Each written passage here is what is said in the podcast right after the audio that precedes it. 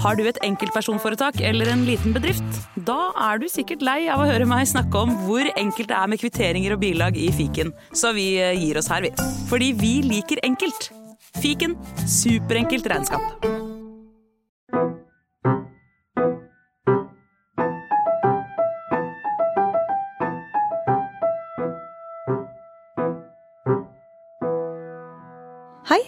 Velkommen til podkasten Frilanslivet. En podkast av meg, Hanna von Bergen. Og meg, Kristina Skreiberg. Vårt mål med denne podkasten er å være en faglig og inspirerende kanal for alle dere som jobber for dere selv i medie-, kunst- og kulturbransjen.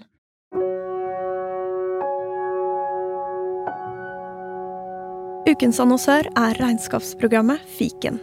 Akkurat som oss brenner fiken for at flere frilansere og små bedrifter skal lykkes, og bak fiken så står mennesker som selv har erfart hvor vanskelig regnskap kan være, og de har derfor laget en løsning som gjør det lett å føre regnskapet selv.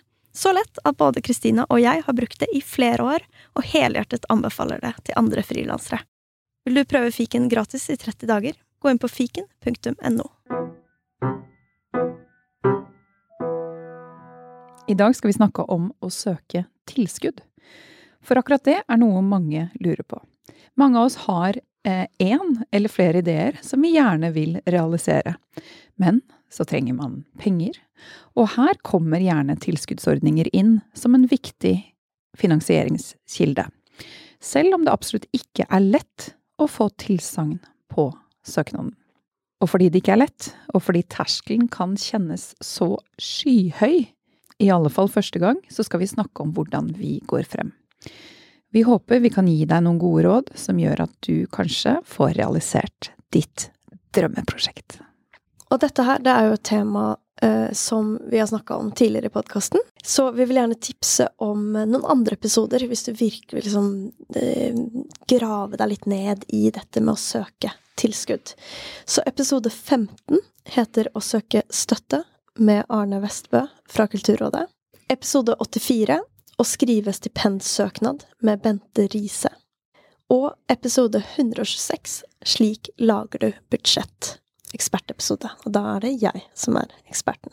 Eh, og utover det så har vi noen episoder som også snakker om det derre å drive med egne prosjekter, men som tipser om litt sånne alternative måter å få dem opp og frem og få dem finansiert på. Eh, og den ene heter Hvordan tjene penger på egne prosjekter. Det er episode 115. Og så har vi en episode som handler om å ikke ta nei for et nei, hvor vi er inne på det der at selv om du får et avslag, så fins det som regel alltid en annen løsning eller vei. Og det er episode 133.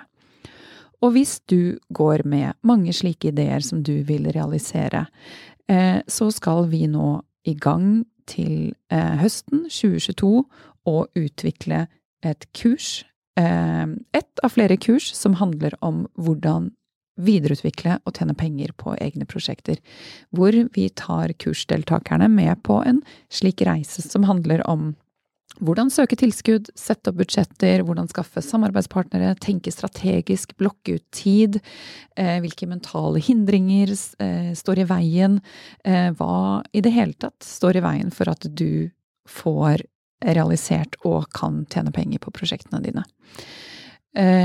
Så hvis du har lyst til å få mer informasjon om det, så send oss en mail på frilanslivet at gmail.com. Hanna, Kanskje vi bare skal begynne med å snakke litt om vår egen erfaring og tilskuddsreise? Hvordan reise? Hvordan har det vært eh, Hva er dine erfaringer? Jeg har gjort veldig mange ulike kulturprosjekter. Um, veldig mange år. Men det er veldig Det er ikke før vi starta med arbeidet med podkasten at det egentlig har starta å søke tilskudd. Som jeg tror egentlig bare handler om at jeg ikke helt var bevisst på det. Og at jeg gjorde ting i ganske sånn kjapt tempo. At kanskje fra idé til ferdig event så var det tre måneder eller fire måneder. Og da var det på en måte tilskuddsordningen er ofte litt sånn mer seig, langsiktig apparat, da. Sånn at jeg tror det var også en stor grunn til at jeg ikke har forholdt meg så mye til det. Og så skulle jeg på en tysklandsturné, og da husker jeg søkte noe, altså til musikk, men har aldri fått noe penger til det. fikk bare avslag. Men så starta vi med podkasten, og da hadde jo du litt erfaring, så da begynte vi liksom å jobbe med den her sammen. Og det har liksom åpna opp en verden eh, og vært en utrolig god skole for eh, hvordan søke tilskudd, til hvilke typer prosjekter, hvilke deler av prosjektet, som også har gjort at jeg jobber med det ganske aktivt i andre eh, kulturprosjekter som jeg har starta, og som jeg jobber med. Hva med deg? Men bare, du kan si det, du har lært av meg, ikke sant? det, er, det, er, jeg som har åpnet opp den verdenen for deg. Ja, det, det, er meg. Tuller. Um, Hva med deg? Jo, um, min uh, reise begynte uh, med et prosjekt som heter Hei nabo, som var mitt første sånn store, ambisiøse egne prosjekt. Uh, som ble realisert for nå er det seks år siden. Og da ville jeg både ha en utstilling og lage en bok. Og jeg søkte Jeg var ikke der da at jeg søkte støtte før jeg begynte å gå i gang med selve innholdet til, eh, til utstillingen og boken, for det hadde jeg jobbet med i flere år. Eh, så tiden fikk jeg aldri finansiert. Og det vet jeg aldri heller om jeg ville fått, fordi på det tidspunktet så famlet jeg veldig i det prosjektet og ville la det få ta den tiden det skulle ta, og jeg ville famle, kunne famle så mye jeg ville. Um, men da jeg satt med alt nesten alt materialet klart, og så at nå vil det koste ganske mye penger å få vist det frem. Eh, få trykket opp boken og få eh, printet, eller ja, fått store bilder som skal henge i et galleri. Det var kostbart, og da eh, hadde jeg en litt sånn Enten må jeg få inn penger, eller så blir dette egentlig ikke noe av. Og da søkte jeg tilskudd fra Fritt Ord aller først og fikk 50 000 til prosjektet. Var det det første tilskuddet du har søkt på? Det var mitt aller første tilsagn, som det heter. Vi kan snakke litt om begrepsbruken etterpå. Um, som jeg ikke har lært meg før eh, de siste par årene. Um, men ja, det var uh, det, den første slumpen med penger jeg fikk, og sånn tilsagnsbrevet. Sånn vi en... tror på prosjektet ditt.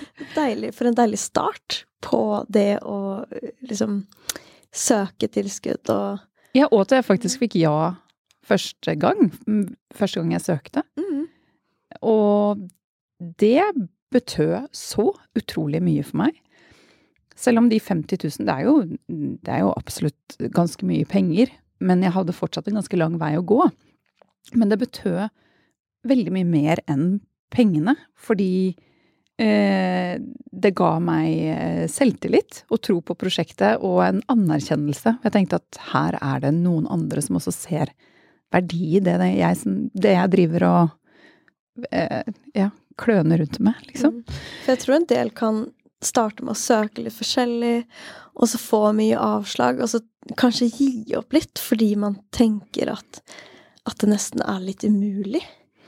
Ja, og det er jo jeg tenker at for veldig mange så er det nesten i startfasen hvor du eh, Hvor du trenger det så sårt at du sjelden får det. Og hvis du får det da, så kan det eh, Altså, jeg tenker de som tør å satse på eh, det litt eh, Det som kanskje ikke er helt ferdig, eller er liksom på nippet til å bli realisert.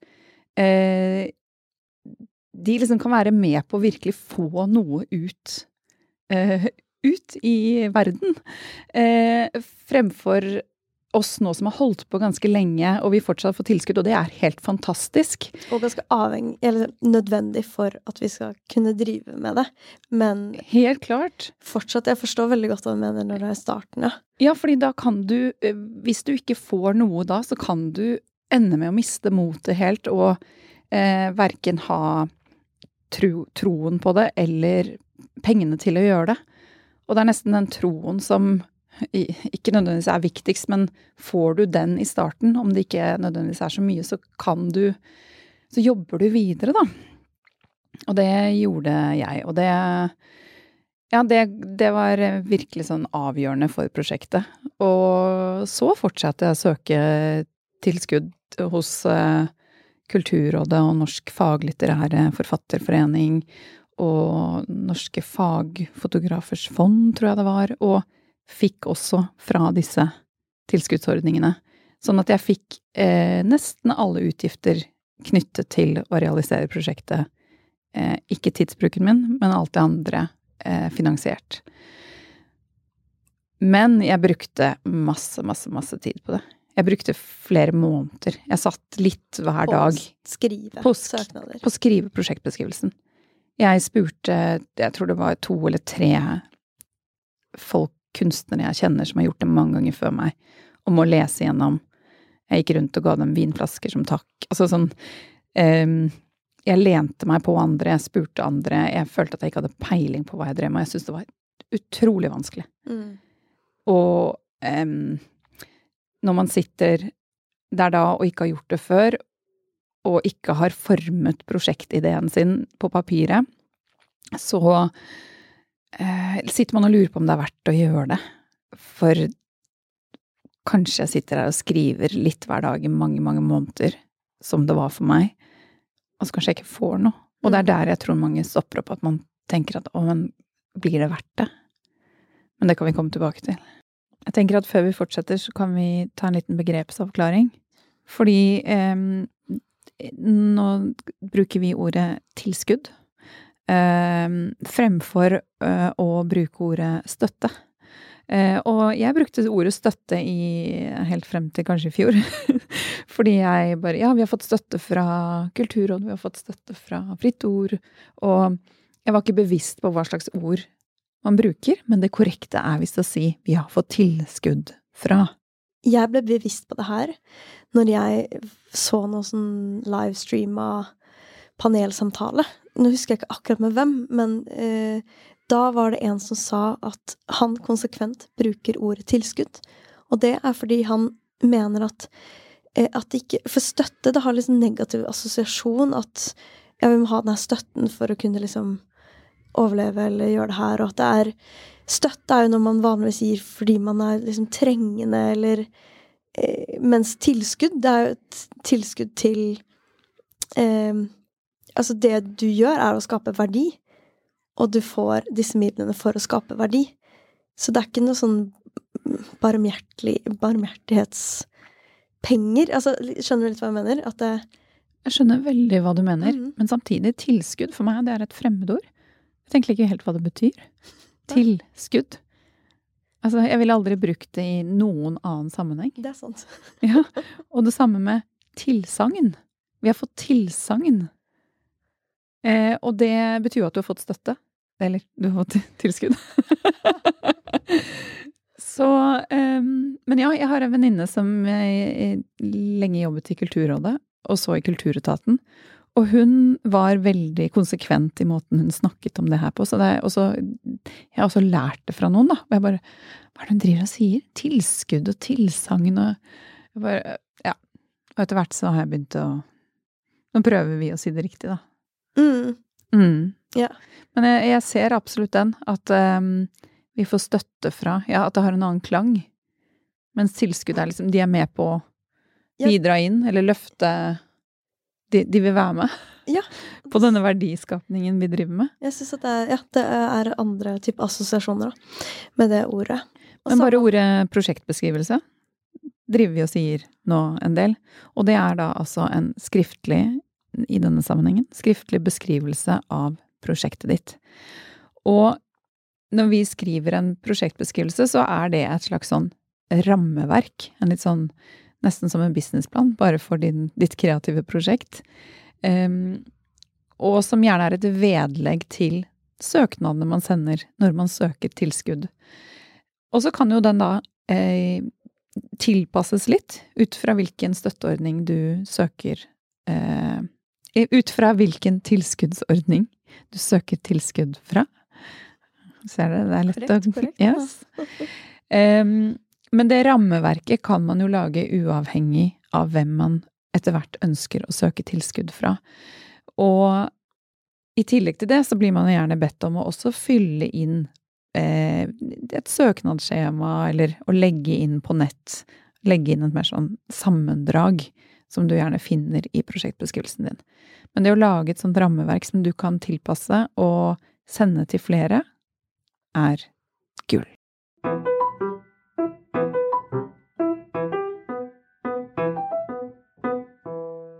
Og det kan være utrolig vanskelig å, vite hvor man skal starte. Eh, både når du skriver budsjett, men også når du skriver denne her prosjektbeskrivelsen. Hvilken rekkefølge, hva skal med, har du glemt noe? Eh, hvilke poster skal med i det her budsjettet, og hvilke type kostnader og inntekter? Hvordan synliggjøre eh, kanskje noe som ikke bare er penger, men eh, andre typer ressurser. Samarbeid. Og da har vi eh, laga en liten uh, uh, pakke til dere, uh, som er noen maler som er veldig hjelpsomme når du skal søke tilskudd. Det ene er en budsjettmal som du kan fylle inn alle kostnader og inntekter, og det er masse ulike tips i den budsjettmalen, og linker til veldig andre gode ressurser også. I tillegg så har vi lagd en mal som er en årskalender for tilskuddsordninger hvor det både er tips om veldig mange tilskuddsordninger, men også hvor du kan fylle inn dine egne som passer til ditt prosjekt. Og vi har laget en prosjektbeskrivelse, mal, som du kan laste ned i ulike format, eh, og rett og slett bare fylle inn, hvor vi til og med har skrevet ned en del spørsmål som du trenger å besvare i denne prosjektbeskrivelsen. Og hver av disse malene koster en hundrelapp, eller få alle tre for 200 kroner. Og du finner dem ved å gå inn på frilanslivet.no slash ressurser. Og disse malene de har vi selv veldig mye glede av, sånn at man ikke liksom må starte helt på nytt hver gang, men man har et rammeverk som man kan jobbe innenfor, og selvfølgelig da tilpasse til sitt eget prosjekt. Mm. Og det er noe vi har utvikla over lang tid, og brukt mye ressurser på å skape, som vi bruker aktivt hva bør en prosjektbeskrivelse inneholde? Og Hanna, du er alltid så strukturert og systematisk og dyktig, så kan ikke du bare lede oss gjennom? Will do. Jeg går ikke gjennom alt i detalj, for det kunne vært eh, flere episoder, føler jeg. Men øh, derfor har vi laga denne malen som du selv kan finne på nettsiden vår. Men en prosjektbeskrivelse, altså den kan du skrive på en måte i Word eller Pages eller på Google Docs, hvis du samarbeider med andre, kanskje. Og så pleier vi å eksportere det som en PDF-fil som vi legger ved som vedlegg til søknaden. Og øverst så pleier jeg å ha sånn prosjektbeskrivelse, tittel, hvilken tilskuddsordning søker du, eh, hvilke beløp, søknadssum, og eh, søkere. Kort litt som nesten som en CV. At det står liksom navn, adresse, nettside, mail, telefon. For det er veldig ryddig å få den infoen helt først. Og så um, er det fint å starte med et lite sammendrag. Og det gjør man ofte. Blir man bedt om å ha et kort sammendrag på kanskje 500 tegn, 750 tegn, som er sånn kort om prosjektet.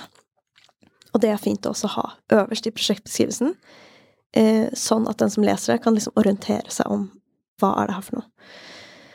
Og en prosjektbeskrivelse er ikke mm, et låst format, så her kan man flekse litt, avhengig av hva som passer til ditt prosjekt, og hva som passer til tilskuddsordningen. Er det noe spesielt som skal fremheves, eh, eller noe som du vil fremheve? Men det er fint å få med en bakgrunn eller behov. Eh, hvorfor finnes det prosjektet? Hvorfor er det viktig at det eksisterer?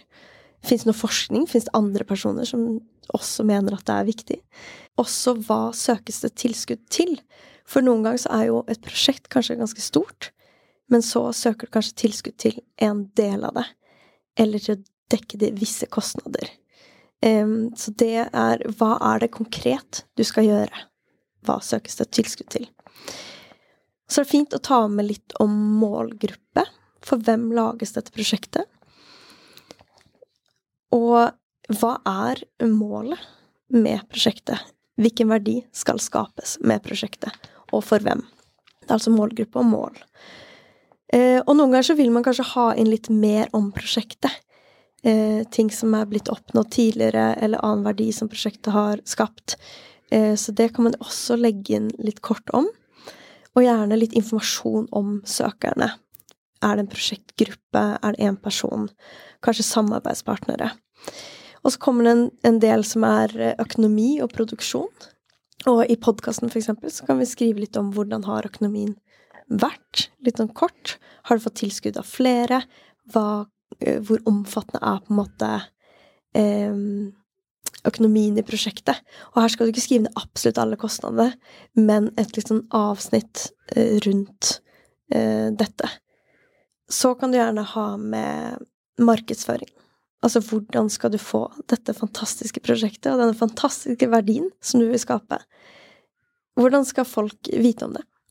Hva er planen for markedsføring? Og det er vel egentlig sånn de store kategoriene. Og så kan man Noen ganger så blir du f.eks. spurt om å ha med noe om geografi. At det er viktig at det er nasjonalt og ikke bare lokalt. Eh, andre ganger kanskje vil legge med tilbakemeldinger fra forrige gang du gjorde prosjektet. Og jeg tenker at det som er litt viktig når du skriver prosjektbeskrivelse, er å prøve å skrive den eh, litt nøytral og konkret, men fortsatt entusiastisk. Men at ikke fokus bør være jeg syns det er så gøy med dette prosjektet, så jeg har lyst på penger fordi at da kan jeg eh, utvikle meg på det her. Men at det er fint å se på eh, hvorfor er dette prosjektet viktig for andre. Eh, og fins det på en måte noe tall? Fins det forskning? Har du tall om målgruppen din? Hvis du har en Instagram-konto, hvilke følger deg? Eh, hvor mange kom på siste event? Hvor mange regner du med at kommer? Altså, gjør det på en måte konkret, sånn at det er lettere å vurdere størrelsen da, for de som leser det. Det er jo gjerne en del andre vedlegg man skal legge ved en sånn søknad. Og du skal legge ved eh, budsjett, som du kan høre mer om i episode 126. Full introduksjon av Hanna til hvordan skrive budsjett, pluss en mal du kan laste ned. Du skal gjerne legge ved CV. Eh, samarbeidsavtaler, eksempel, hvis du har litt informasjon om de du skal dra inn i prosjektet ditt, kanskje til og med deres CV-er. Eh, og generelt vedlegg som styrker deg eller prosjektet. Hvis du har gjort noe lignende tidligere, som kanskje har fått presseomtale. Eh, hvis du ja, har ting du kan vise til som viser at du har gjennomføringsevne, så legg det ved. Også disse eh, tingene du skal plotte inn som kan være forskjellige fra tilskuddsordning til tilskuddsordning, som gjerne er inne på nettsiden deres. Det er veldig lurt å logge seg inn, notere seg disse spørsmålene, og så bare copy-paste til et Word-dokument eller Google Doc eller hva du jobber i, og jobbe med det på en måte i din egen tid, og ikke sitte på en måte inni der eh, rett før, men eh, fordi det er eh, også på en måte nesten hovedsøknaden din, mens prosjektbeskrivelsen da er et sånt ekstravedlegg som bare forsterker hele mm. greia. De tingene som du bes å fylle ut, er jo gjerne sånn eh, Eh, hva er prosjektet, hvilken verdi er det? Det er ofte ting som også står i prosjektbeskrivelsen. Eh, men, Bare mer konsentrert? Ja, og kortere og mer konsist, ja. Så de er jo veldig fine å ha til andre ting du søker. For folk, det er jo de fleste tilskuddsordninger lurer på det samme. Hva er det du egentlig skal gjøre? Hvorfor skal du gjøre det? Eh, og hvilken verdi skal det skape?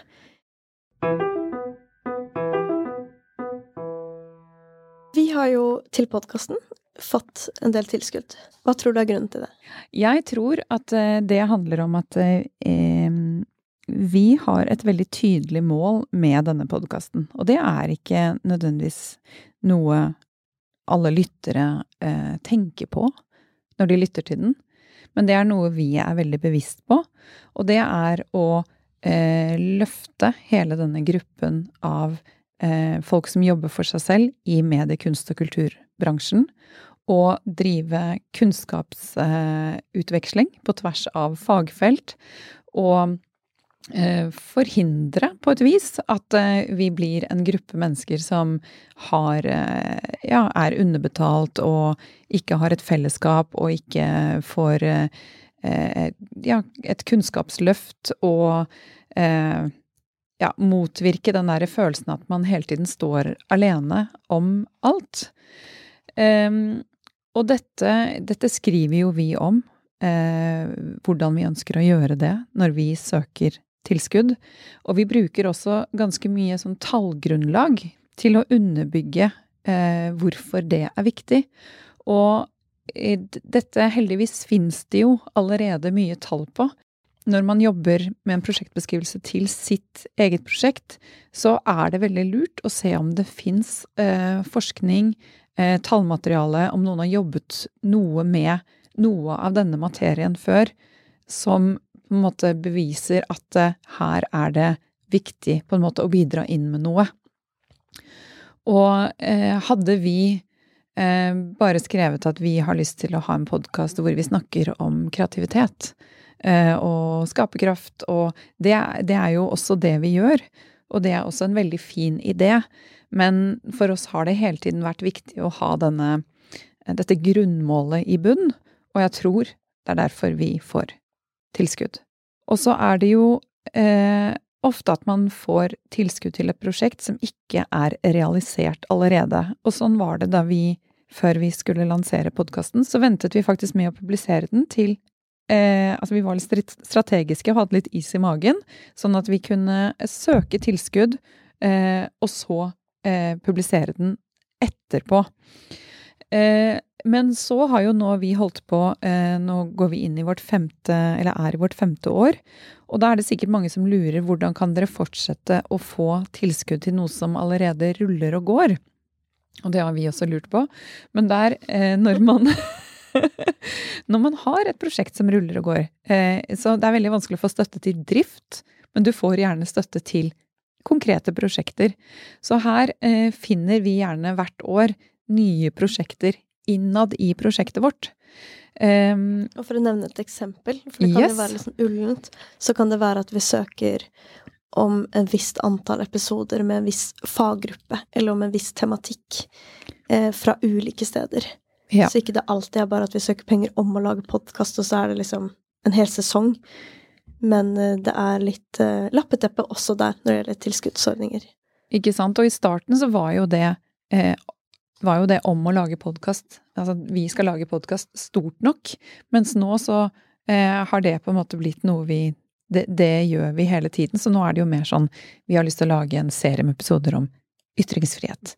Eller om eh, kulturelt mangfold. Eller om eh, eh Psykisk helse. Psykisk helse, ja. Eller eh, scenekunstnere. Eller eh, en, en, viss kunstnergruppe, for eksempel. Eller om ja, mm. musikere som gjester. Det her kan ja. man jo gjøre med sitt prosjekt, at man kan se sånn Kan du søke noe til selve utgivelsen? Altså hvis det er en bok, kan du søke noe annet til markedsføringen? Eller kan du søke en tredje om eventet du skal ha i tilknytning til lanseringen? Altså at det ofte går det an å dele opp prosjektet i mindre deler hvis det er ganske stort, da, og kanskje over litt lengre tid. Så har vi en veldig fordel av at vi har holdt på en stund når vi kan ha med alle disse tallene. Vi har jo tallene fordi at vi har holdt på. Ja, nå har vi våre egne tall, ja. Ikke ja. sant? At vi ikke nå bare har tallmateriale fra forskning viser sånn og sånn og sånn, men vi kan også vise til hva vi har gjort mm. som har hatt en effekt. Og da er det ikke alltid, selv om vi skriver en søknad om um, altså om viss tematikk, så kan vi også kanskje legge med et lite avsnitt i prosjektbeskrivelsen hvor vi bare viser hva vi har fått til. At vi har samarbeidet med disse og disse, hatt disse live-eventene, og skriver sånn Så mange lyttere, så mange følgere, dette er eh, Og vi har fått tilskudd fra de og de og de tidligere. Så alt som viser de som skal lese om prosjektet ditt, at du har fått til masse ting, eh, kanskje også utenom prosjektet, det på en måte styrker deres tro på din gjennomføringsevne. Og hvis du som lytter nå har lyttet mye på vår podkast, eller til og med bare litt, og føler at frilanslivet som podkast har eh, bidratt til noe som helst i ditt frilansliv eller ditt virke, så vil vi veldig gjerne høre fra deg.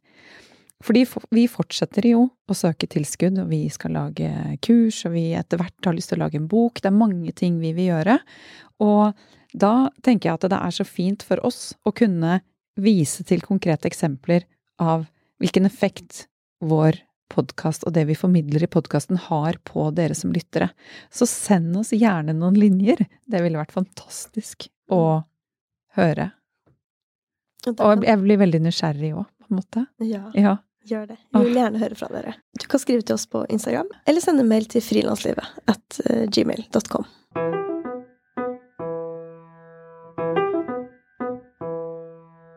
Det er veldig mange tilskuddsordninger som ikke har vært klar over at eksisterte. Og det tror jeg også gjør kanskje at man ikke helt vet hvilken del kan man få tilskudd til, eller hvordan kan man finansiere prosjektet sitt, fordi man ikke vet hvor man kan søke. Jeg tenkte at vi skulle gi dere litt tips til ulike tilskuddsordninger. Og da er det viktig å si at du bør ikke søke overalt, men eh, researche de her ulike ordningene, og sortere og finne fram til de tilskuddene som passer ditt eh, prosjekt. Så her kommer en liste med ulike mm, eh, favoritter som vi har. og ulike ordninger som er veldig gode å sjekke opp. Våre favorittordninger. Ja. Eh, og dere kan selv sjekke ut litt hva eh, de gir tilskudd til. Eh, Fritt Ord, eh, Bergesen-stiftelsen, Sparebankstiftelsen, eh, Kulturrådet, det kjenner jo alle til, men der finnes det jo utrolig mange tilskuddsordninger. Eh, og det er flere som kommer opp som bare eh, eksisterer f.eks. én gang. At det er en slags utlysning, nesten. Så følg gjerne litt med på Kulturrådet. Kommunen din, f.eks. Oslo kommune, eh, Kulturetaten innenfor Oslo kommune. Stiftelsen DAM. Og sjekk gjerne din fagforening, for det finnes utrolig mange ulike fagforeninger innenfor kultursektoren. Um, så sjekk gjerne både den du er tilknytta, eller tilknytta ditt område, men kanskje ditt prosjekt også har ulike typer eh, bransjer da, involvert. Så der kan du gjerne Noen ganger så kan man søke en annen fagorganisasjon enn mm, kanskje den du ja, tilhører, i anførselstegn. Og når du da har, eh, går og titter inn på disse forskjellige eh, tilskudds, tilskuddsordningene, så er det kjempelurt å lese skikkelig nøye de kriteriene. Eh, og også veldig gjerne ringe. Eh, bare for å avklare om ditt prosjekt passer inn. Og jeg husker at jeg var så utrolig nervøs før jeg tok de samtalene før. At jeg tenkte at nå sitter det en i andre enden, og hvis ikke jeg klarer å presentere dette bra nok nå, så kommer jeg ikke til å ha sjans. At det var hun som satt, hun eller han som satt på nøkkelen. Ja, ja. Sånn at hun kom til å huske det fra telefonen, og så tenkte sånn Yes. Nei, nei. Nei, hun, hun pitcha det der dårlig. Den sier vi nei på. Men sånn er det jo ikke. Eh, nå eh, har jeg inntrykk av at de eh, at de syns det er veldig fint at man ringer, og at man får avklart en del ting eh, på telefonen. Eh, fordi det å sende søknader og bruke veldig mye tid på søknader som du sender til feil sted, det er jo Du kaster egentlig bort alles tid. Deres tid og din egen tid. Det er utrolig verdifullt når den saksbehandleren, eh, eller kontaktpersonen for den tilskuddsordningen sier eh, ja, men gjerne vektlegg liksom den biten av prosjektet, for det er det vi er opptatt av liksom, innenfor det her, eller ja, vi har to ganske like ordninger, da hadde jeg kanskje heller anbefalt å ha søkt den ordningen. Altså ofte så får man utrolig gode råd, så det er verdt det. Så nå er vi inne på hva bør du gjøre før du begynner. Eh, utover det å faktisk ha et prosjekt og en idé og alt sånt. Ofte så setter jeg meg ned, enten på slutten av året eller i starten av året, og lager en slags sånn årskalender for meg selv, eller for mitt prosjekt. Eh, som har alle månedene, og som har da fyller inn de her ulike Ok, men da i mars er det en frist for det, den tilskuddsordningen. I januar så kommer det allerede en frist da, og så kommer det en der, og den er løpende, så den er litt Og løpende betyr at den bare Du kan sende inn når som helst i løpet av året.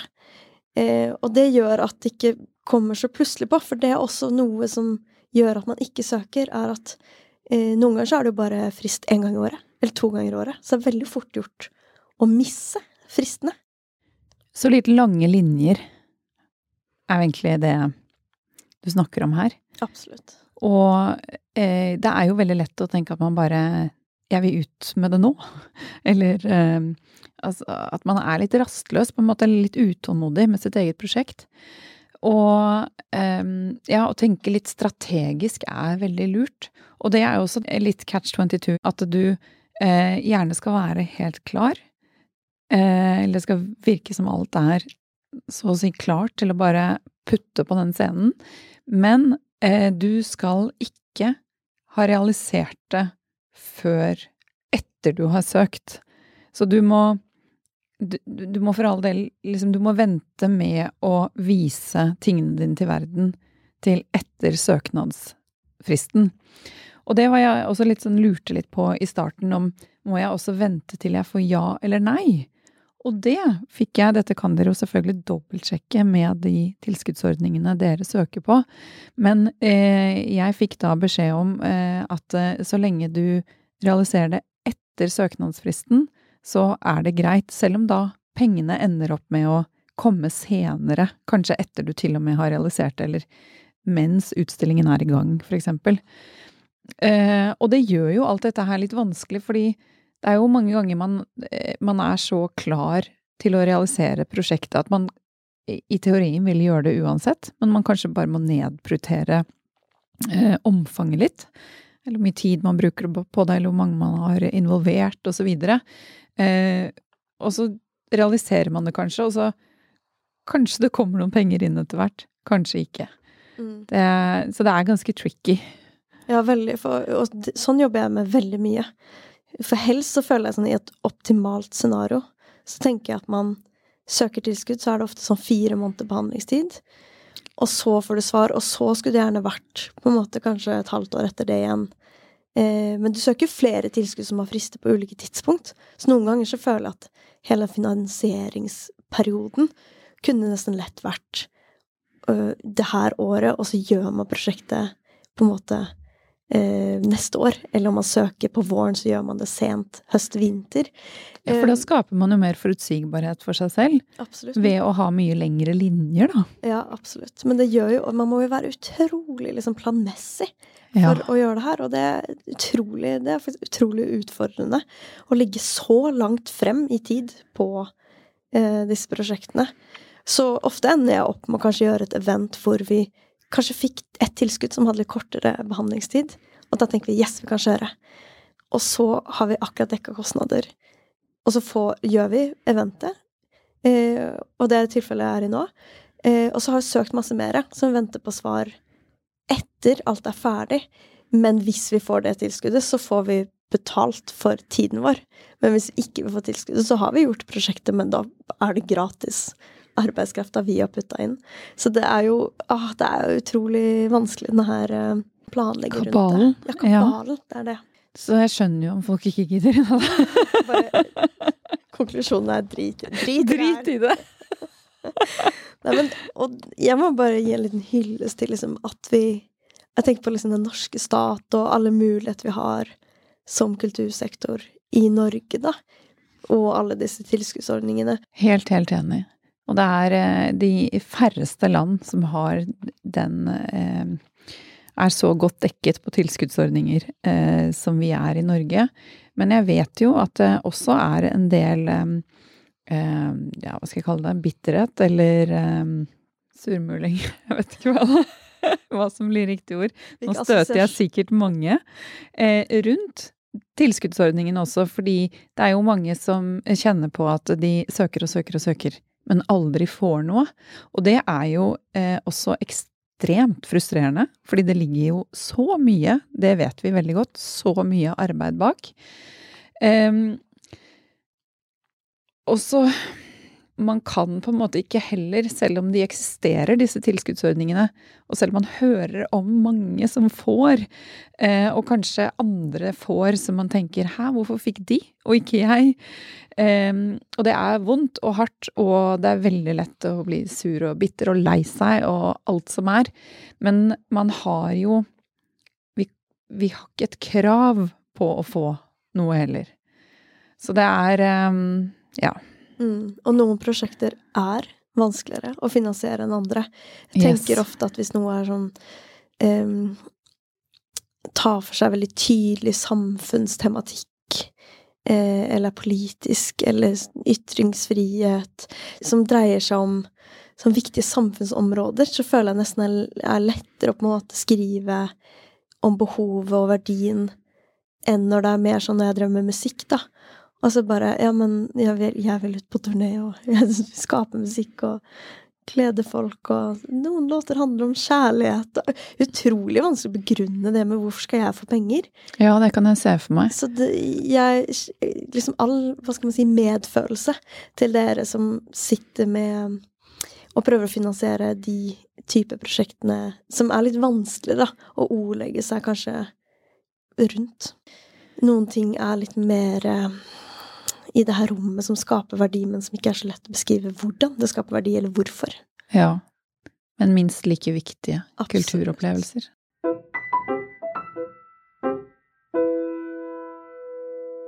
Noen ganger så kommer det så mye avslag. Ja, skal vi snakke litt om avslag? Ja, fordi jeg tenker at um, en viktig lærdom er at det ikke er Når du får avslag, så betyr ikke det at ikke ditt prosjekt er verdt å realiseres. Men det er utrolig mange om beina. Det kan handle om at um, det ikke var den beste matchen med tilskuddsordningen. Det kan handle om at andre forklarte prosjektet bedre, at noen andre hadde enda mer solid plan. Eh, og noen ganger så bare er det utrolig mange som kanskje også tilskuddsordningen tenker Eller de som jobber da i, som saksbehandlere, tenker at vi ville egentlig ha gitt til alle dere, men det har vi ikke penger til. Så det er bare en brøkdel som, eh, som får disse pengene. Det var en trøst. Takk, Anna. Ja, så ikke mist motet når du får avslag. Nei, og jeg tenker noen ganger så er det sånn Å, vi har hatt litt for mange søkere som søker om noe av dette i det siste. Eller de kanskje sitter og tenker vi skjønner ikke helt hvorfor dette er viktig. Vi vil ikke ha noe av dette. Eh, så det kan være så mange ting. Eh, og det er så ja, tilfeldig hvem du står opp imot i den søknadsbunken. Ja, og du, man får jo ikke noe begrunnelse. Nei. Det er ikke noe sånn at man bare 'Å ja, nå gir det mening'. Men du får bare en mail hvor det står sånn 'Avslag', 'Avslagsbrev', eller Og så står det én setning 'Vi kunne ikke mm, på en måte prioritere dette i denne søknadsrunden', et eller annet sånt. Ja. Eh, så det er åh, Og så bare får man sånn Nei! For du vet hva det betyr å ikke få de penga. ja, og for min del nå så er jo det mm, der i starten Det betyr så mye. For da ville jeg liksom fått mulighet til å bare fly av gårde og eh, gjort det bra fra start, fremfor å ha en sånn tung, seig, lang, eh, dårlig økonomi-start. Um, men samtidig så har jeg jo blitt mer robust etter å ha skrevet eh, jeg vet ikke hvor mange sånne søknader, og etter å ha fått veldig mange avslag også. Fordi det innebærer masse, masse, masse, masse avslag. Eh, og det gjør litt mindre vondt nå. Og det betyr ikke at Altså, med den første som jeg fikk fra Fritt Ord, hadde jeg fått avslag da, så vet jeg ikke engang om jeg Hvor jeg ville vært i dag. Da.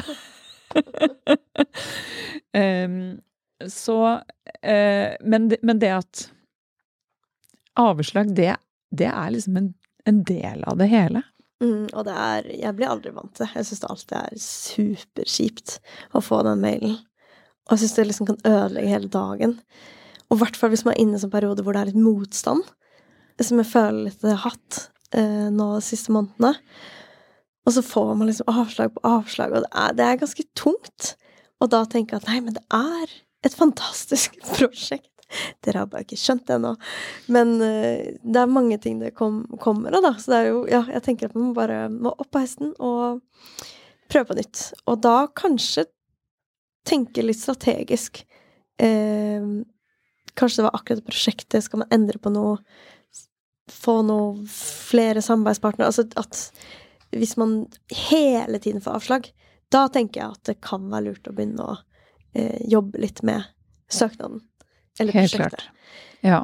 Og vi, bare for å nevne det her, for vi har fått mye tilskudd til podkasten, som vi har vært utrolig glad for, og som har gjort at vi har kunnet skape podkasten.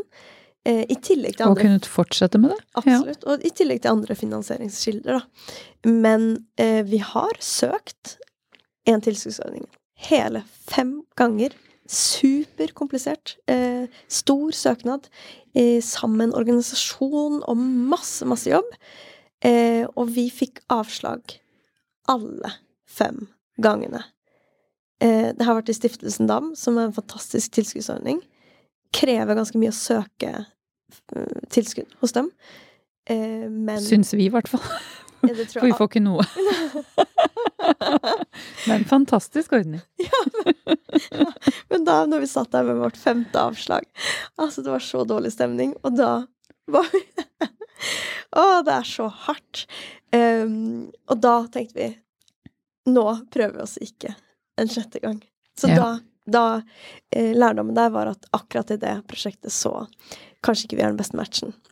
Lærdommen er jo at man ikke skal gi seg, men du skal ikke fortsette å prøve på akkurat samme måte. Du trenger ikke å stange i samme vegg på samme måte hele, hele tiden. Fem Bare- ganger. Fem ganger er Ja, fem ganger og ikke flere. Eh, men ja, det er jo nok av eh, eksempler her i verden på folk som har opplevd motgang og avslag eh, tusenvis av ganger, holdt jeg på å si, og år etter år, og som eh, bestemmer seg for å gjøre det likevel, og så går det skikkelig bra. Så mm, ja. Velg hvem du, hvilke avslag du gidder å høre på, holdt jeg på å si. og For det fins alltid en vei likevel. Mm.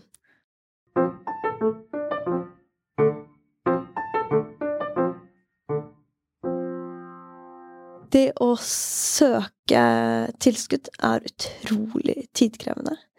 Em, og det er mye som kan være vanskelig med, med å søke. Uh, det er liksom et stort beist å begynne på, og ofte føler jeg at for å kunne søke tilskudd, så må jeg nesten ha et ferdig prosjekt. Fordi du kanskje skal legge med CV-er til de som skal være med, ting må være bekrefta, det er intensjonsavtaler. Det er på en måte For litt av poenget er jo at du ikke skal søke bare med en idé, du skal søke med en plan eh, om noe som skal skape verdi. Og du skal på en måte bevise hvorfor du fortjener disse pengene, eller ditt prosjekt, eh, versus andre. Så det er jo utrolig mye som er satt før du engang kan starte. Ja, det der er et catch 22, fordi prosjektet skal jo virke realiserbart. Som at dette er noe du bare kan gå i gang med, og alt egentlig ligger klart, hvis du bare får finansiert det. Men så er man jo også noen ganger litt redd for å gå veldig langt i gang med noe når man ikke vet om man får realisert det. Så det er en veldig sånn vanskelig balansegang. Det er skummelt å gå ut og si til andre som du kanskje vil ha med deg i prosjektet ditt, og si eh, 'Jeg har lyst til å gjøre dette her. Det er ikke sikkert det blir noe av, eh, men vil du være med hvis det blir det? Kan jeg skrive deg inn i prosjektbeskrivelsen min?' Um, men de gangene jeg har gjort det, eh, i disse senere prosjektene jeg har gjort, så ser jeg jo også at det, ved å gjøre det, og ved å jobbe med prosjektbeskrivelsen og søknaden, så er det faktisk med på å gjøre prosjektet mer realiserbart.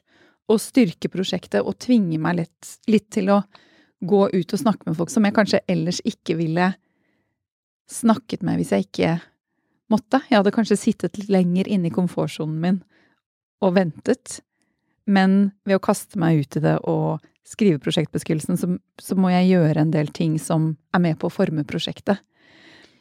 Og jeg tror det som stopper veldig, veldig, veldig mange, er jo at man tenker at å ja, blir det bortkastet tid?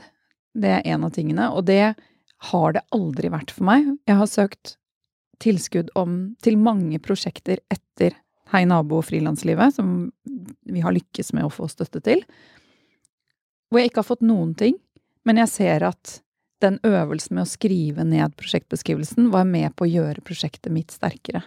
For med mange av disse prosjektene hvor jeg har satt meg ned og skrevet prosjektbeskrivelsen, og kanskje ikke nødvendigvis har fått tilskudd, så har jeg brukt prosjektbeskrivelsen til andre ting, som kanskje har skaffet meg en samarbeidspartner, eller har gjort at jeg kan pitche det til eh, ja, et galleri eller et forlag, eller folk du vil samarbeide med som gjør at du kanskje kan få realisert det på andre måter, da. Mm. Det er veldig godt poeng. At det er jo en prosess hvor du prøver å tydeliggjøre for noen utenfor prosjektet hva prosjektet handler om, hvilken verdi det skaper, hvilke behov det eh, fyller. Alt det her. Og det er jo superrelevant også å kommunisere med de man vil ha med inn i prosjektet, eller de til publikum, eller andre. Og veldig mange ganger så er det jo pengene du det er jo det du trenger aller mest for å få gjort det. Men samtidig så, hvis du jobber med prosjektbeskrivelsen, så kan det hende du selv også ser eh, at det var kanskje en grunn til at du, ikke nødvendigvis selvfølgelig, at du ikke fikk penger nå, men kanskje du får penger om et år, eksempel. Altså at prosjektet fortsetter å vokse med deg, eller du tar nye grep, eller du jobber videre på prosjektbeskrivelsen din, som gjør at prosjektet styrkes og um, det kanskje bare skulle bli realisert på et annet tidspunkt. Mm. Og jeg syns det er mye lettere når det er langsiktige ting, eller ting som gjentar seg. Eksempel når jeg jobber med kunst- og håndverksmarked, som er det samme, men år etter år. Da har man noe å basere søknad på. Man har bilder, man har tall, man har veldig mye. Men hvis jeg gjør et nytt konsept for et uh, arrangement, som kanskje er fire måneder fram i tid, og vi har landa veldig mye, men da står det og faller litt på den, det tilskuddet, og det er vanskelig å si sånn vi tar det neste år, for det kanskje handler om at det skjer under en festival eller lignende. Um, så det Jeg syns faktisk, når det gjelder å søke tilskudd, så syns jeg det med timingen og liksom tidsperspektivet er det aller vanskeligste. Ja, at det er lettere da med mindre tidssensitive ting. Mm, altså ting som både kan gjenta seg, eller bare kan realiseres på et annet tidspunkt. At det ikke er så farlig om det var akkurat mai neste år. Ja. Ja. En annen ting jeg tror kan stå i veien for mange, er jo at eh, det er jo ikke bare bare å eh, verken skrive eller få konkretisert ideen sin. Jeg tror mange At man kan gjerne tenke sånn Å, jeg har alt dette i hodet mitt. Jeg vet akkurat hvordan det skal bli. Man ser det for seg. Men så er det vanskelig å forklare det til andre. Eh, og i hvert fall å skrive det ned. Mm, det er sånn e en egen eh, Det å skrive er jo et eget håndverk, på en måte, eller sånn en egen skill. Eh, som Ja, du kan lage et fantastisk prosjekt, men kanskje du ikke er så god på skrive søknader. Det er jo litt sånn jeg føler at du må være god på å skrive søknader for å kunne få tilskudd. Og som gir mening, for det er noen fremmede som skal sitte og forstå hva det er du prøver å skape. Ja. Og jeg tenker de, de, Jeg håper jo at de ser liksom Vet det, de som sitter og leser søknadene, at ikke alle har gått på journalistlinja, liksom. Eh, at ikke det er kravet. Men før den derre skrivetekniske ferdigheten, så er det jo også bare det å eh, klare å få kommunisert bare liksom grunnideen sin. Hvorfor man gjør det man gjør. Og der kanskje man bare må øve seg på å si det til folk. Og snakke om prosjektet sitt med andre. Og eh, når du da skriver, også la andre lese det gjennom. Sånn at eh, ja, du har testet det på noen. Mm. Jeg tror også det er lett å tenke at um, det er lettere for meg å bare ta noen ekstra oppdrag enn å sette meg ned med den og, og finansiere prosjektet mitt med andre oppdrag enn å sette seg ned og skrive prosjektbeskrivelse. Eh, og det kan jeg jo også lett forstå. og i kortsiktig så kan det jo være sånn at hvis du tjener 10 000 her og 10 000 der og 20 000 der, så har du kanskje plutselig 50 000, og det kanskje tok færre dager enn å bruke mange måneder på prosjektbeskrivelse. Mm, og det er ikke alle som bruker mange måneder på prosjektbeskrivelse heller. Nei, og det var bare første gang, altså. Ja, jeg er helt enig. At jeg tenker at det kanskje er mer strategisk å få inntekten fra et annet sted. Men hvis man tenker langsiktig, og hvis man tenker at uh, dette prosjektet kanskje vil skal vokse med deg, eller du vil gjøre mange prosjekter som du gjerne kunne fått finansiert med tilskudd, så er det verdt den investeringen, for har du gjort det én gang, så er det så mye lettere å gjøre det igjen. Så um, Det vil kanskje være verdt det mm. å lære seg det. Absolutt, og det er jo det jeg tenker Hvis du mister litt moten nå, når du sitter og lytter, så eh, så skal du vite at når det først liksom Når du klarer å liksom åpne den nøkkelen, og du får eh, får et tilskudd, da, eller flere, så åpner det seg opp liksom så utrolig heftige muligheter for å kunne gjøre et eget prosjekt, eller gjøre prosjektet fetere, eller ja, få til det du ønsker.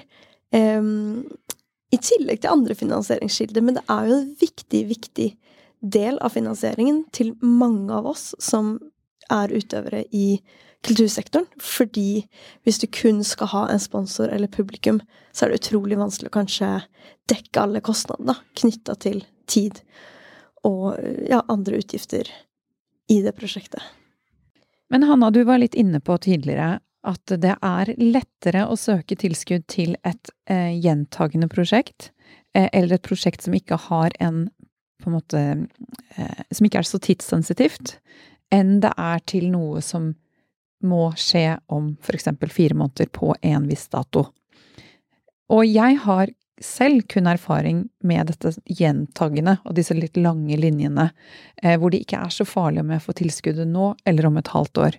Eh, mens du jo har jobbet mye med eh, eventer og markeder osv. Kan ikke du forklare litt hvordan det har vært? Det var helt jævlig. Nei, men det er jo utrolig utfordrende. Det er jo den biten jeg syns er det mest utfordrende når det gjelder det å søke tilskudd. Um, fordi at man skal være så ekstremt um, På en måte Ja, så ekstremt planmessig å være så tidlig ute. Ofte skal man være så tidlig ute at da har jeg ikke kanskje hatt ideen eller landa den samarbeidspartneren som gjorde at den muligheten oppsto. Og for å gjøre det litt mer konkret, så kan, er det f.eks. nå at jeg planlegger et um, sommermarked i forbindelse med en festival. Og da har vi fått et ganske lite tilskudd. Og vi har landa intensjonsavtale med stedet, festivalen. Vet hvor det skal være, datoen. Og har egentlig liksom Egentlig hadde vi hatt veldig god tid til å gå i gang med det her, men så må vi på en måte lande finansieringen før vi kan sette i gang. Og vi jobber med det med andre ting enn tilskuddsordninger også. Eh, men da har jeg søkt i januar, februar, mars og så får jeg svar i Eller vi får svar i juni. Sånn at da begynner det å bli ganske kort tid til å vite om det går eller ikke. Så da driver vi med mye sånn her Ok, men vi kontakter alle vi har lyst til å ha med, og spør om de kan sette av datoen og har lyst til å være med, men at det ikke er Det blir bekrefta hvis vi får finansieringen på plass. Eh, sånn at vi driver liksom høsler og jobber masse sånn litt sånn omveier. Fordi vi kan ikke bare si vi gjør det, fordi da gjør vi det gratis. Og det har gjort så mye at jeg har ikke råd til å gjøre det her prosjektet hvis ikke det er finansiert. Eh, men det jeg har prøvd å tenke på, da, for å være litt smart, er jo at vi også har et julemarked som vi har gjort mange år. Og nå har jeg faktisk søkt om både sommermarkedet og julemarkedet samtidig. Sånn at vi før sommeren også skal vite om julemarkedet blir av eller ikke. Men det er jo en sånn kabal, og det jo, er jo veldig spesielt å jobbe på den måten. Og ofte så ender det opp med at eh, at mye At man må ha veldig fleksible planer. Fordi hvis man ikke får tilskudd, men får en sponsor, og eh, publikum betaler noe, eller de som står og selger, betaler, da vet man at man kan gjøre en viss variant av eventet. Eh, så det handler veldig mye om det her skaleringen. Å gjøre det stort eller lite, å ha ulike liksom, scenario A, B, C, avhengig av eh, finansieringen. Ja, og så det stemmer at du akkurat nå ikke helt vet hvordan høsten din blir? Mm, nei, veldig, det er veldig oppe i lufta. Og dette med ja, å skalere opp og ned, det, det syns jeg også vi skal komme inn på. Fordi det, det hender jo veldig ofte at man får Eh, eksempel halvparten av det man søkte om. Um, og da, selvfølgelig, kan det jo være fristende å bare tenke at man gjør alt man har skrevet i søknaden likevel, og så ender man opp med å kanskje jobbe egentlig gratis for det prosjektet, eller ikke kunne eh, honorere de som er involvert, osv. Så, videre, så blir det sånn dug, et dugnadsprosjekt. Um, og det vi eh, gjør når det skjer, er at vi heller nedskalerer hva hva vi får utrettet for de pengene. Eh, men det er jo selvfølgelig et, et valg man har, om man eh, ja. Mm. Og noen ganger er det lettere å skalere enn andre ganger. Men med markedet har vi tenkt det samme, at istedenfor å gjøre tre helger og masse kultureventer som skjer under markedet, så kanskje vi gjør én helg. Eller ja, færre eh, kulturinnslag, da. Så det er jo ja, det er mange ting som man kan skalere på. Men igjen så handler det veldig mye om det å bare være tidlig nok ute med å søke, sånn at man får bekrefta det tidlig nok til å gå i gang med selve produksjonen. Men overfor den tilskuddsordningen du har fått støtte fra, og hvis du da fikk halvparten, så er det i hvert fall helt berettiget å for forklare at vi derfor satte opp én forestilling og ikke to, eller hadde én helg med julemarked og ikke to, eller vi lagde én episode og ikke to, eh, fordi vi fikk bare 50% av søknadssummen. Eh, og det er litt viktig å være bevisst på, at eh, hvis du heller vil nedskalere og få betalt, så er det helt innafor. At eh, ingen, tilskudds, ingen, tilskuddsordninger kan forvente å på en måte få full leveranse, men bare betale halvparten.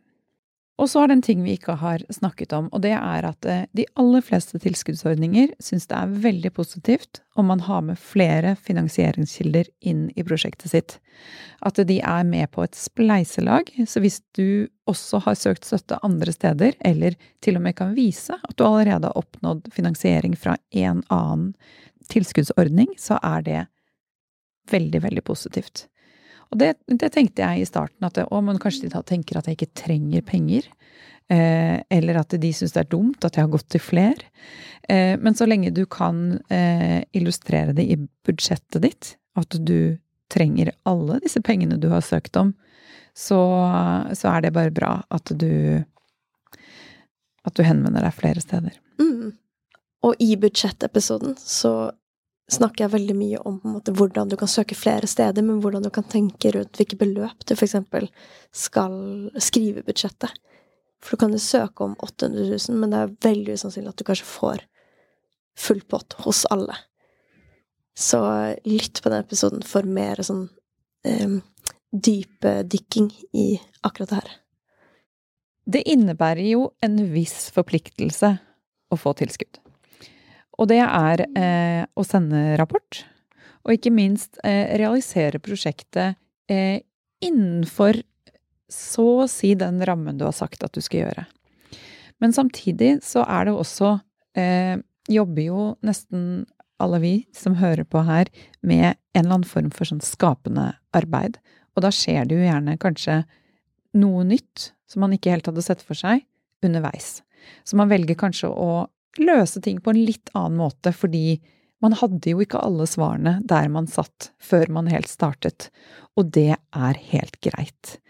Så så lenge prosjektet ditt fortsatt måtte svare på det du søkte om å gjøre, og er fortsatt innenfor liksom rammen til den tilskuddsordningen, så er det greit at du kanskje hadde med en annen skuespiller, eller manus ble litt annerledes, eller ja, Mm. Og hvis det er en vesentlig endring, eller du trenger å flytte på prosjektet, forlenge det, så er det veldig lurt å sende en mail og informere om det og spørre om det på en måte er innafor. Og som regel er det jo det, hvis du eh, ja, ikke har endra prosjektet helt. Ja. Vi har eh, en del dialog med de forskjellige saksbehandlerne til de tilskuddsordningene vi har fått støtte fra.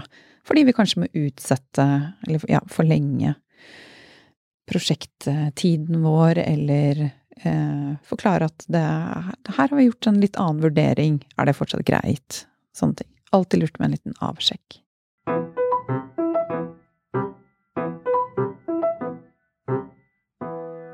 Men Hanna, hva hvis du skal prøve å oppsummere din viktigste lærdom med tanke på å søke tilskudd? Jeg tenker at det er to veldig viktige ting jeg har lært meg. Og det ene er det der med å gå ut og lese forskning. Og researche hva har um, fagorganisasjonen sagt, fins det forskning på området? Um, og kanskje nøle ut litt på det, for det gir veldig god innsikt til prosjektet i seg selv. Men også på en måte eh, Det beskriver eh, behovet på en veldig nøytral måte. Um, som er veldig bra. Og det andre er å gå denne ekstra runden med å spørre folk og si sånn Hei, vi har lyst til å søke tilskudd til det her prosjektet vi planlegger. Vi har lyst til å involvere deg. Er du interessert? Um, vi vet ikke ennå om det blir realisert, men vil gjerne liksom ta kontakt eh, nå for å høre. Sånn at allerede i den veldig tidlige planleggingsfasen eh, tørre å skrive en intensjonsavtale eller ha noen navn som på en måte har bekrefta. For det styrker søknaden veldig mye å vite at eh, det ikke kun er en idé. Hva med deg? Dine beste tips?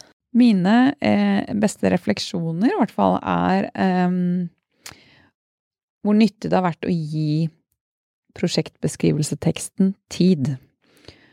Og eh, begynne å jobbe med den, trekke meg litt tilbake, reflektere. Liksom, tenke sånn Er det egentlig sånn jeg vil gjøre det? Og la den få være en del av konseptualiseringen. Eh, eller å jobbe med å skrive ned prosjektet mens jeg jobber med å skape konseptet oppi hodet. At det har vært veldig nyttig å ha den der prosessen, tankeprosessen, ideene, summen i hodet, men også parallelt få det litt ned på papiret. Og hvis jeg da har tid til det, så blir det en sånn en veldig god dynamikk, på en måte, eh, som tydeliggjør hva det egentlig er jeg vil gjøre. Så en nyttig eh, idé idé- og konseptutviklingsprosess. Og at skrivingen er et veldig godt verktøy for det. Og så var det Jeg ante ikke hvor mye det skulle kreve av meg første gang. Og jeg har sittet i en hytte på fjellet i en knøttliten badstue og bare lukket døra og hatt det som kontor gjennom en hel vinterferie, bare for å bli ferdig. Og eh, liksom bannet og svettet og syntes at det egentlig har vært ganske jævlig. Eh, men så har det det å mestre det til en viss grad, selvfølgelig jeg får fortsatt masse avslag, blitt utrolig viktig for meg og de prosjektene jeg vil gjøre. Um, så det har også vært veldig gøy. In the end. Mm. Jeg tenker at uh, et prosjekt eller um, et frilansliv kan være ganske sårbart hvis det til stor grad er finansiert av uh, tilskuddsordninger. Og akkurat nå er det tilfellet for uh, meg, fordi jeg er frilanser med mange egne prosjekt.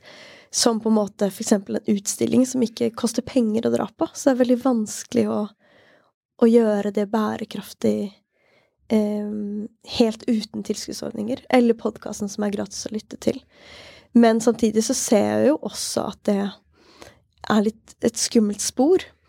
Fordi eh, da blir jeg veldig avhengig av om det er avslag eller tilsagn i forhold til hvordan året blir, eller hva som blir betalt.